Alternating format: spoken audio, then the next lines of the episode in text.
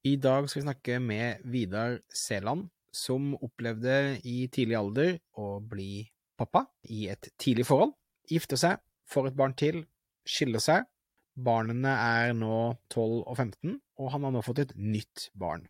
Så vi snakker med Vidar om hvordan den delen har vært, hva han har lært om seg selv, hva han har lært om andre, og hva han har lært i forhold til å bli en bedre pappa i en sånn setting. Vi snakker også en del om rollene til hvordan, eh, hvordan rollene til menn og forventningene til menn har forandret seg de siste årene, og hvordan forskjellen på å være følelsesmessig og åpen og sårbar er to forskjellige ting, og hvordan man kan prøve å tenke og navigere rundt det. Så dette er en god, dyp prat med Vidar Seland.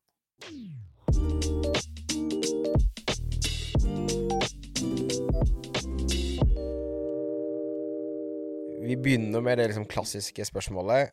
Hvor bor du, hvem bor du med, og hva er familiesituasjonen din i dag? Jeg bor i Rælingen, som ligger like utenfor uh, Lillestrøm. Ja. Og uh, der bor jeg sammen med samboer Anita. Og annenhver uke så er vi fem i heimen.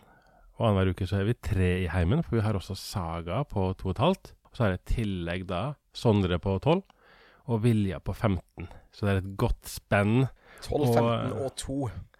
Ja. Ja, ja. Så der har du utfordringer med en 15-åring som strekker seg oppover, og en 2-åring som uh, lærer noe nytt hver bidige dag. Ikke sant. Du har også vært gift tidligere. Mm. Uh, hvor lenge var du gift? Det ble to og et halvt år. Okay. Uh, så nå, jeg sier jo at nå er jeg på livet 2.0 etter det. Eh, og det er jo en eh, eh, lang historie bak alt det der. Uh, altså, jeg var gift tidligere, og dette her var jo tilbake i 2007. Våren 2007. Da var det vel Blink på Dagbladet som var det store. Ja, ja, ja. ja. Um, der møtte jeg ei som var veldig sånn um, Hun var på, og så var hun uh, Hun var fresh, ambisiøs. Møtte hun uh, tidlig våren 2007. Og um, vi møttes og prøvde å bli kjent, og så plutselig en lørdagsmorgen så finner vi ut Oi, shit, jeg er gravid. Oi! Ok, det var såpass, ja. Og hva gjør du da? Du vil jo gjøre det rette. Så da jeg fikk muligheten til å springe, Ja. og så fikk jeg muligheten til å være, og la oss prøve på dette. Med den samvittigheten som jeg har, og bakgrunn og litt sånne ting, så eh, OK, dette her satser vi på, det her prøver vi på.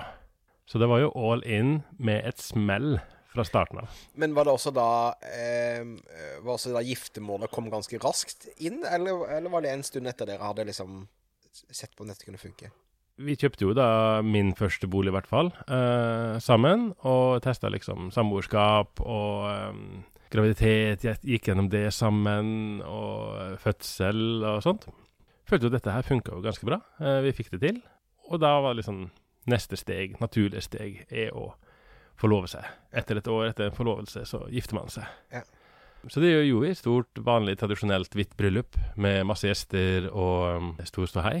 Ja. Og på bryllupsreise til Vietnam så finner vi ut at oi, jeg er gravid.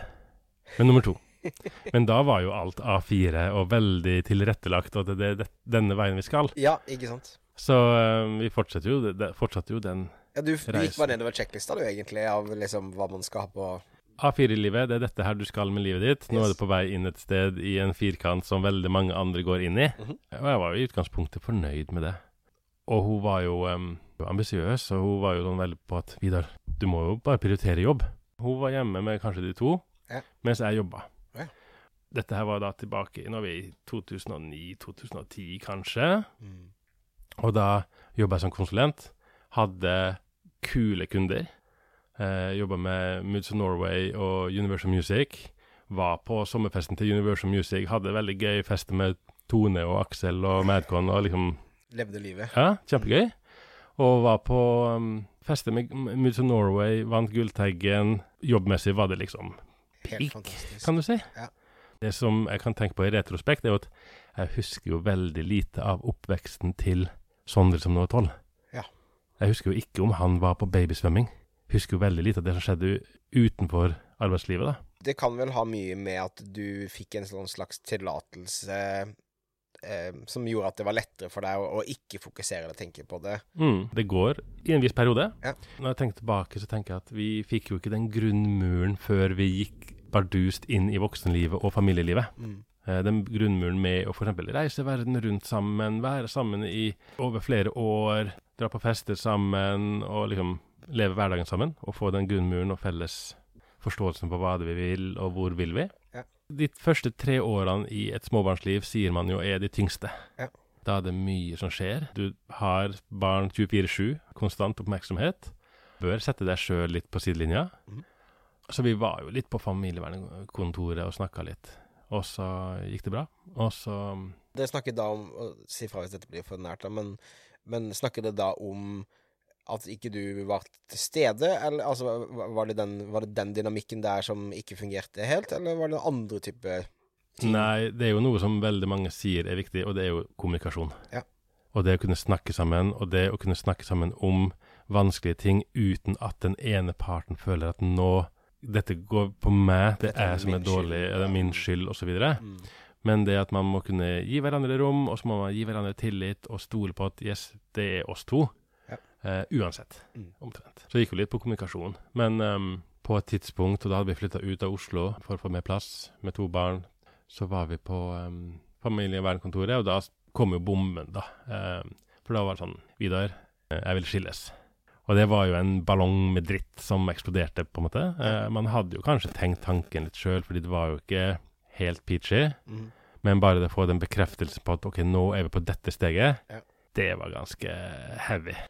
En ting er liksom deg og ditt ytre image jobbmessig og vennemessig når man skal skille seg, men hva sånn umiddelbart tenkte du rundt barn og den rollen, og hva slags tanker går gjennom hodet ditt da?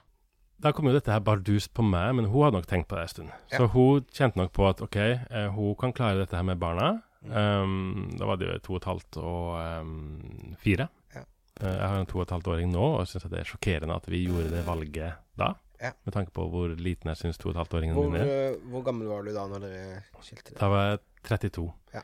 Så da var en 32 år gammel tobarnspappa som var skilt. Ja. Og det var rock bottom. Uh. Virkelig. Um, og med barna så tok vi det valget at de to skal alltid være sammen. Vi skal ikke splitte opp de to barna. Eh, så når vi Vi starta jo på en 70-30-fordeling. Mm. Eh, 70 hos mor. Eh, vondt for meg. Ja. Men, um, og vi kunne sikkert uh, hatt eh, 50-50, i hvert fall på den eldste. Men viktig at de to var sammen, og de hadde den eh, faktoren at de var alltid sammen, de to, på en måte. Ja. Og det tror jeg vi har tjent på i ettertid. Ikke sant? Men jeg husker jo da jeg da leide meg en leilighet, for hun kjøpte meg ut av, av huset vi bodde i. Så leide jeg meg en leilighet i påvente av å kjøpe meg noe eget. Eh, og jeg kom inn i den leiligheten som da var tom. Satte meg ned på gulvet, og så var det hulkegråt, liksom. Ja. Det var sykt tungt. Du følte deg mislykka, eller hva var det liksom Ja, etter å ha vokst opp i et eh, tradisjonelt hjem med foreldre fra bibelbeltet, så er det visse forventninger til hvordan livet skal være. Ja.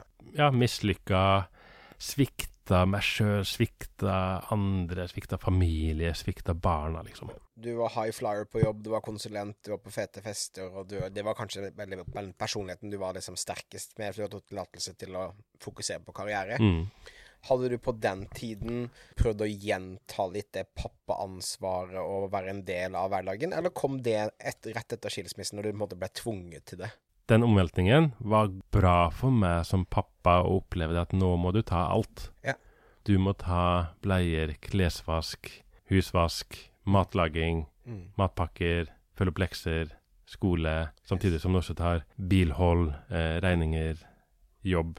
Og da hadde jeg, på den tida så hadde jeg jo en sjef som var veldig på meg. Vi kjørte bil sammen på vei til jobb og hadde gode samtaler i bilen. Så jeg hadde folk å eh, lene meg på, støtte meg til. Og det har jeg fortsatt med framover til nå også. Akkurat den støttedelen og samtalepartneren Mange av disse samtalene har funnet med podkasten og ellers, så overrasker det meg liksom hvor lite menn ofte snakker om familieting, vonde ting osv. Så, videre. så det må jo være en slags superkraft også, hvis du har klart å beholde det i etterkant, da, men at du, at du har hatt noen som åpnet opp for å snakke om familieting og balanseting og, og følelser og sånn. da. Jeg vil si at én ting er det å snakke om følelser og sånne ting, men det å ha noen som du føler at du kan si nesten hva som helst til, Ja. er gull verdt. Og Der har jeg f.eks. en kompisgjeng som møtes, drar på turer, enten en fjelltur eller vi står på ski. Møtes vi på ei hytte til en av oss. Og der tar vi med oss og inviterer med oss andre kompiser som kanskje går gjennom det som jeg har gjort tidligere. Kanskje de går gjennom en skilsmisse nå og sliter med det, men ikke nødvendigvis si det så høyt. Så inviterer vi de med på den hytteturen og viser at det, vi aksepterer deg for den du er, på en måte. Vi vet at kanskje vi ikke var bestevenner da vi gikk på videregående, eh, men liksom, jeg kjenner det. Jeg Ja, vet hvem du er fra barndommen av. Ja, vi ser det. Kom og bli med oss. No worries, null stress. Og vær åpen for samtale underveis, da. Det er jo fantastisk. Er, er det noe dere har snakket om som en vennegjeng at dere liker å gjøre? Ja, vi er jo en vennegjeng som, gjeng som tidligere, da vi var yngre, dro på storbyferie og fest og moro og sånne ting. Og så har det endra seg litt fokus, litt roligere på en hyttetur. Ja.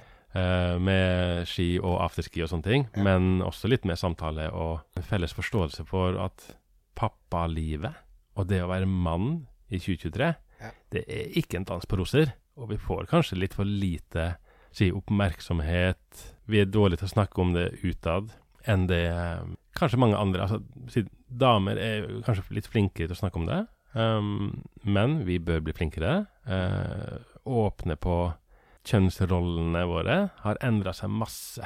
Du var inne på det i en tidligere podkast her med hvordan foreldregenerasjonen vår var. Ja. Med pappa er på jobb. Mm. Eh, min mamma var hjemmeværende fram til jeg nærma meg skolealder. Pappa var på jobb. Og hvordan vi nå som menn blir forventa å delta i alle aspekter av livet, da. Ja. Eh, vi skal være med på klesvask, husvask. Vi skal også ha bil. De, en del av de ans eh, oppgavene som man hadde som mann før. Ja. Og totaliteten der har kanskje kommet på mannsrollen på en annen måte enn kvinnerollen her. Og dette, dette her er jo et, en brannfakkel. Ja, ja. Men min oppfatning av det er kanskje at kvinner de har higa etter å ta mer av de rollene som menn har, Ja. og har gradvis fått det. Mens menn har da blitt tildelt nesten en del annet ansvar som vi ikke Vi hadde kanskje fint som man hadde det tidligere. Men det kan være utfordrende å forstå mannsrollen, og man kan bli strekt i mange retninger. Også det å være følsom samtidig som man skal klare alt. Være den flinke til å snakke med eh, partner. Jeg er så enig i det, det du sier, og, og altså, jeg, jeg føler at eh, den, den forventning at menn skal være følsomme, men ikke sårbare. Mm. Jeg har sett noen sånne små klipp av noen intervjuer som liksom har truffet meg veldig, da, der man ene, hun eh, Brené Brown, snakker jo om sårbarhet mye. Mm. og, og, og har, hadde en prat der hun hadde da tidligere utfordret menn hvorfor er det ikke sårbare, hvorfor snakker de ikke om følelser osv. Og der hun hadde hatt en samtale på en måte forstått at veldig mange menn som da prøver å være sårbare eller vise at de er svake, ender opp altså Ikke bevisst, men at man nesten da at, at, kvinnene som da har blitt støttet av mannen, snur seg mot, eller vil ikke se, eller Mm. liksom Vet ikke hvordan de skal håndtere det at man prøver å være sårbar og ærlig. Så jeg tror det, det er stor forskjell tror jeg, på å være følsom og på, å være sårbar. Og jeg tror det er veldig vanskelig for en mann å være sårbar ovenfor de kvinnene vi føler ansvar for at skal ha det bra. Mm. Balansegang, og det er vanskelig tema. Vanskelig å, vi kan si at det er vanskelig å være sårbar, men så er det liksom OK, hvorfor er det vanskelig? Mhm. Hvorfor føler du det utfordrende? Ja, og jeg føler at eh, jeg, jeg føler ikke Jeg, jeg føler det er, det er lett for meg å være sårbar, men det har store konsekvenser i forhold til relasjonen min til de menneskene rundt meg som jeg støtter. Og da igjen, Mm. Jeg har eh, hatt mange flotte psykologsesjoner opp gjennom årene, og har liksom landet på at eh, min kjernerolle i mitt liv er ikke å være beskytteren som passer på Mm. handler med barndom og masse ting, men, men der jeg, jeg liker å passe på kona mi, barna mine, eh, mine foreldre, mine kollegaer, så det er meg folk skal støtte seg på. Da føler jeg meg bra. Eh, og, og da passer det veldig dårlig i den rollen å være sårbar, for det forandrer liksom den, litt av den dynamikken av hvordan folk ser på det. Så ofte i perioder jeg har vært sårbar, så, så har det ført til mer på en måte konflikt, fordi den personen prøver å hjelpe deg, støtte deg, men de er ikke vant med å gjøre det, så de vet ikke helt hvordan de skal forholde seg til det. Sånn at det blir, det blir mer støy og energilekkasjer rundt det. Og så er det mange som snakker om at eh, da vi som gutter, menn, var unge, så var, fikk vi gjerne beskjed om det, men det der var ikke vondt, eller ikke grin. Og den sitter nok langt bak i hjernebarken fortsatt. fort gjort å føle seg strekt. Mm. Uh, man skal levere på jobb. Man skal levere overfor barn. Man skal levere overfor samboer og partner. Og, og i mitt til- tilfelle skal man også levere litt overfor ekspartner, eh, ekskone, og ha god dialog der. Og hvis det da smeller på jobb, f.eks., Ja. så er det enda vanskeligere å være til stede og kunne ja, levere på de andre frontene, kan du si. da. Så Ja. det er jo et um, lappeteppe, det her. For å spole tilbake, jeg syns det er jo fantastisk at dere har en guttegjeng som på en måte tilrettelegger for at man kan ha samtaler, at man kan føle man blir støttet, da. Mm. Min vennegjeng er jo spredt over alle uh, vidder, så stort sett så er det jo bare morsomme memes og tulletøyseting eh, i en gruppechat, som er på en måte fantastisk. Men når du sier at du drar på liksom hyttetur med kompisene dine, så kjenner jeg at åh, det der er noe jeg savner og har, lyst til å ta tak i mitt eget Ja. liv, og, og, og skape sånne arenaer for litt dypere samtaler. Ja, så må det jo sies at vi har jo ikke så mye kontakt nødvendigvis i det daglige. Nei. Eh, jeg har tatt kontakt med den ene av de, og de andre bor f.eks. i Kristiansand. De bor i Hardanger. Noen av oss bor i Oslo, og så bor vi i Trondheim. Ja. Så vi drar et stykke, og da er vi der sammen, og vi kjenner jo hverandre fra barndommen, fra ungdomsskolen og fra videregående. Ja. Så vi har den felles historikken også. Mm. Vi veit hvem vi var da vi var en kvisete 14-åring Ja. og usikker og sånne ting. Yes. Og så har alle sammen vært på sin si, reise Ja. eh, fram til der man er i dag. Mm. Og da har man opplevd mye forskjellig opp gjennom tida. Absolutt. Ja. Ok, men så skilte det eh, På en måte ble pappa som måtte gjøre alt fordi at du var aleine en, Mm. en periode. Og så nå har du jo funnet en ny partner. Og hvordan var den prosessen For jeg er jo Min, min datter er nå fire år, og min eh, sønn er 19. Mm. Og jeg husker jeg hadde, jeg hadde en lang prosess med meg sjøl for å bli klar og bestemme meg for at jeg ville bli pappa en gang til. Mm, mm. Og så har jeg hatt masse som vi kan gå inn eller ikke gå inn i seinere, i forhold til liksom hvordan den reisen har vært. Men jeg vil gjerne, hvordan, hvordan var den prosessen for deg? Og var det, var det den andre parten som på en måte pushet på at de ville ha barn, eller skjedde det bare nok en gang på en eller annen reise? eller hvordan, nå, hvordan var den prosessen? nå har jeg vært sammen med Anita, som hun heter, da, i eh, ni år. Så ganske lenge. Og hun var jo som et uh, friskt pust. Ganske annerledes for meg, uh, men hadde um, gode verdier og var spennende for meg. Og um, jeg var jo da tobarnspappa annenhver uke. For da var vi over på 50-50. Ja. Så var jeg da kjæreste med henne eh, annenhver uke. Da har du to liv. To liv, Ja. eh, sånn sett. Um, og etter hvert Jeg maste jo litt på at ja, men du må flytte ut til meg, liksom. Eh, orker ikke å dra bort til deg hele tida. Kom til meg, liksom. Bo, flytt inn til meg. Ja. Så jeg fikk jo til slutt dratt henne ut fra Oslo og flytta inn til meg. Og um, var en liten sånn lappeteppefamilie, kan du si. Ja. Og prøvde å få henne til å involvere seg i den hverdagen det er med barn, som hun ikke nødvendigvis hadde sett for seg. Og jobba mye med det og snakka mye om det. Og til slutt så var det litt sånn Om hun ville ha egne barn, så ville ikke jeg si nei til det. Hvem kunne jeg være som sier at nei, nei, jeg har fått mine to, Ja. men du får ikke mulighet til å få dine barn. Mhm. Og så ble vi da um, etter hvert foreldre til, eh, til Saga um, for to og et halvt år siden. Og for min del, det å bli pappa igjen er eh, ganske um, Altså, man har en annen ballast når man har barn fra før. Fordi som førstegangsforeldre så tenker du gjerne å, vi må gjøre sånn og sånn. Vi må følge boka og det folk sier at slik skal du oppdra et barn. Jeg har kanskje den vissheten om at ja, det og det er kanskje viktig å gjøre, mens andre ting som folk sier at du må gjøre, er kanskje ikke så viktig. Og den vissheten om at de kommer ut som mennesker til slutt, nesten uansett. Ja. Enten du drar på Dyreparken eller Sabeltannshow eller ikke, eller at du drar på babysvømming eller tur i skog og mark hver helg. Det blir folk av det uansett. Ja. Og man har gjerne en visjon eller en illusjon om hvordan barna skal bli. Om de skal bli fotballsparkere eller håndballspillere.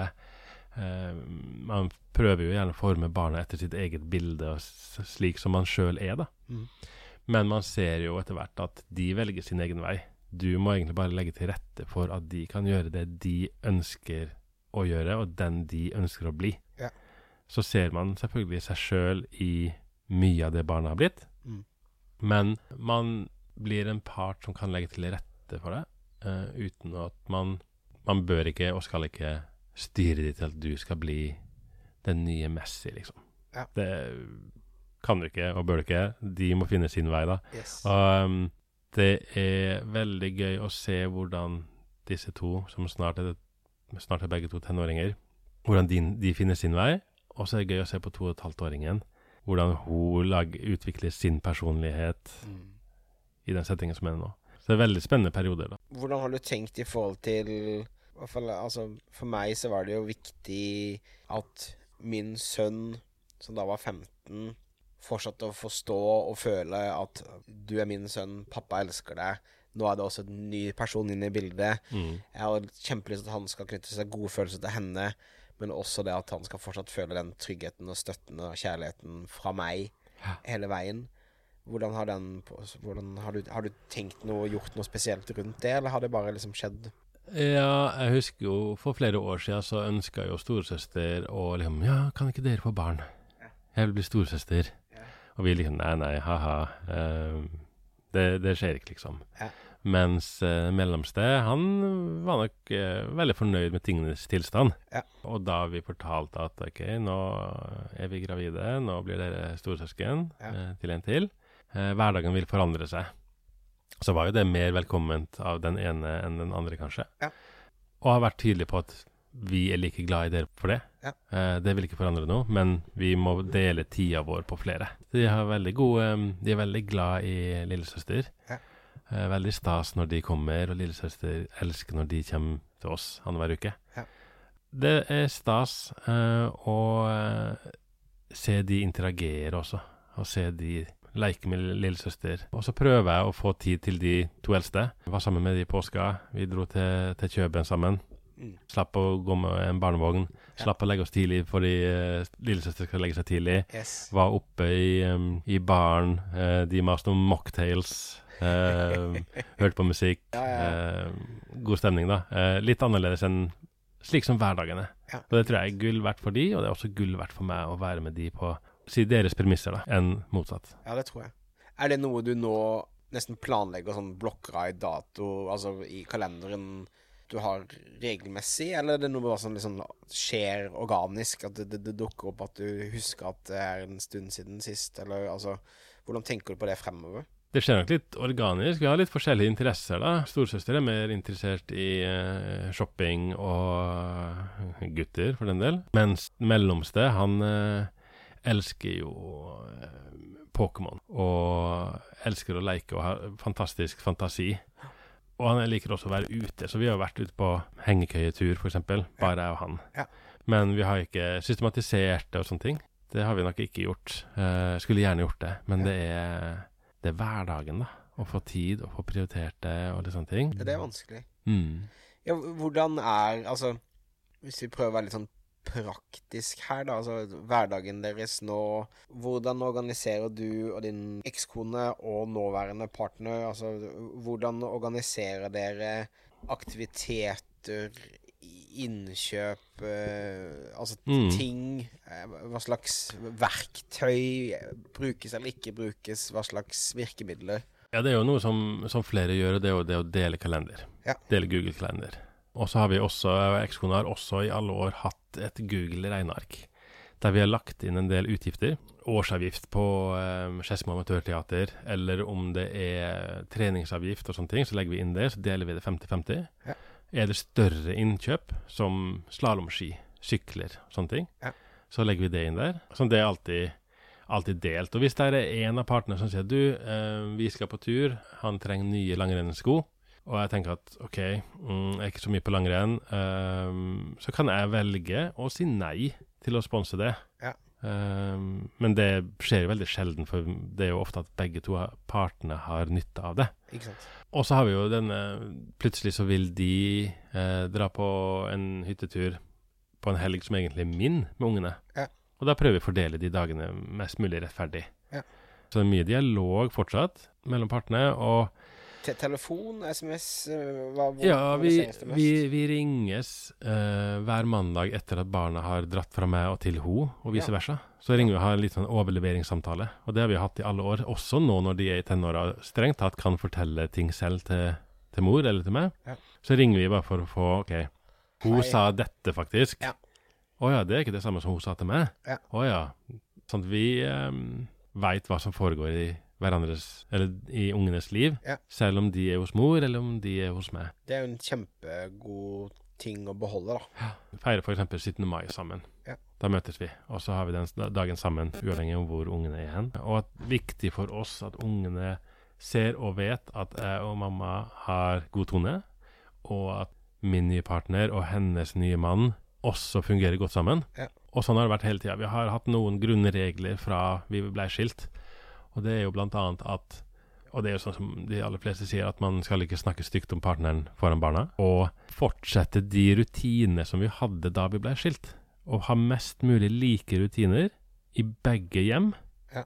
opp gjennom opp oppveksten. Og så vil det jo alltid være noen forskjeller, basert på livssituasjon og hva man eh, er oppvokst med, og hva man forventer av barna og sånne ting. Men grunnstammen er lik i begge hjem. Eh, det prøver vi på. Hvis du skulle beskrevet hva en, en flink pappa er for deg Mm. Jeg var inne på det litt tidligere, dette her med å være til stede for ungene på deres premisser, da, hva de ønsker å gjøre. Det er viktig for meg. Det jeg veit, er at barn er utrolig tilpasningsdyktige. Eh, uavhengig av livssituasjon og sånne ting, Mm. så kan man tenke at dette her er ikke bra for barna og sånne ting, men de er utrolig tilpasningsdyktige eh, med tanke på tilstedeværelse, eh, rutiner. Bare man har en åpen dialog med dem og forteller dem hva er det som skjer nå. Ja. Hva tenker jeg om dette? Hvorfor vil du dette? Og være til stede når de trenger det. Tenåringer er jo veldig glad i å være på rommet. Ja. Som kan føles kanskje litt ekstra sårt når det er delt hjem. Fordi jeg har bare de sju dagene med de. Ja. Hadde jeg hatt de 100% så hadde det vært mye lettere å kanskje akseptere at de vil ikke være med pappa. De vil ikke se film med meg. Nei, de vil bare være på rommet, være for seg sjøl.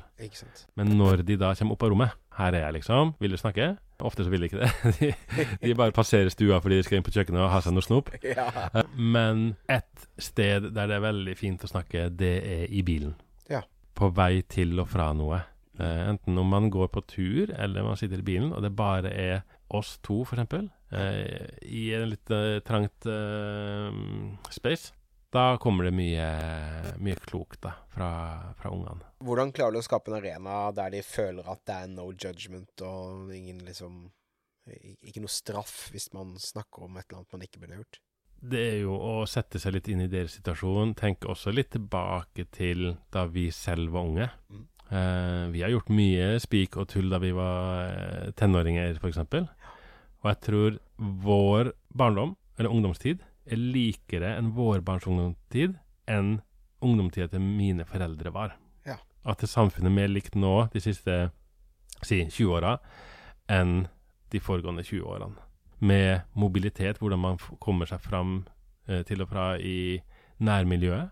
Eh, sosiale medier er kommet. Eh, jeg hadde jo også sosiale medier da jeg var ung, på at det var IRC og eh, BA-snakk og litt sånne ting. Ja. Um, men klart man har mange flere arenaer nå, da, med mye av mekanismene og sånt. De samme i dag. Ja. Ja, det tror jeg absolutt. Når jeg ble pappa for andre gang, så følte jeg at jeg hadde glemt masse ting som hvordan ting var når, liksom for da 15-16 år siden og sånn. Men, Mm. men eh, hva, hva føler du at det er viktig for den personen å høre eller ta med seg eller tenke på?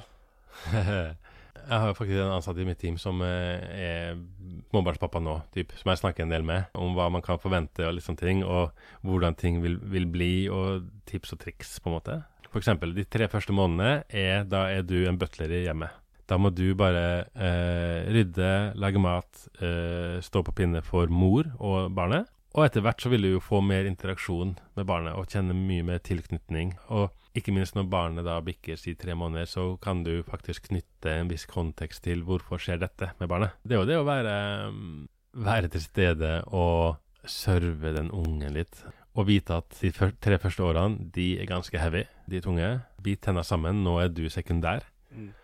Og at det, det, det går bra, bare hold ut, liksom. Du får flex på jobben, typ.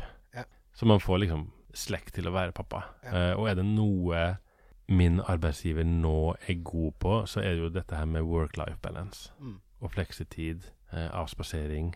Når vi er inne på jobb, og Obos er et stort konsern, det er lite du kan gå til HR som de ikke har vært borti før, f.eks. Ja. Og en av de ansettelsene som jeg gjorde nå, en eldre kar som da har 20 pluss år i arbeidslivet, noe av det han dro fram med Obos, var jo at her har vi en ferdig utfylt personalhåndbok. Ja. Det er det ikke alle som har. Nei. Og bare det Ok, det hadde ikke slått meg, egentlig. Eh, men her er ting på stell. Så um, nei, tips til uh, unge førstegangsforeldre. Det blir bedre. Kom deg gjennom det. Ja, God dialog med jobben. Ja. Vær flink til å snakke med partner. Hva syns de er utfordrende? Og det er veldig vanskelig å unngå at det blir en konkurranse på hvem er trøttest. Veldig godt poeng. Og der må man bare bite det i seg. Og ja, jeg skjønner at du er trøtt. Jeg er også trøtt, men jeg trenger ikke å si det. Du må stå i stormen. Det blir bedre, du kommer over det. Jeg digger det. Jeg tror det er et, et greit sted å, å, avslutte. Og jeg syns det er kult. Ha, siste, har dere tanker om å få et barn til, eller er det done? Nå er det done. Nå er det snippefest uh, ja. next. Okay. Uh, nå har vi de barna vi, uh, vi vil ha, ja. og um, godt fornøyd med det, altså. absolutt. Kult. Vidar, takk for, for, tiden din.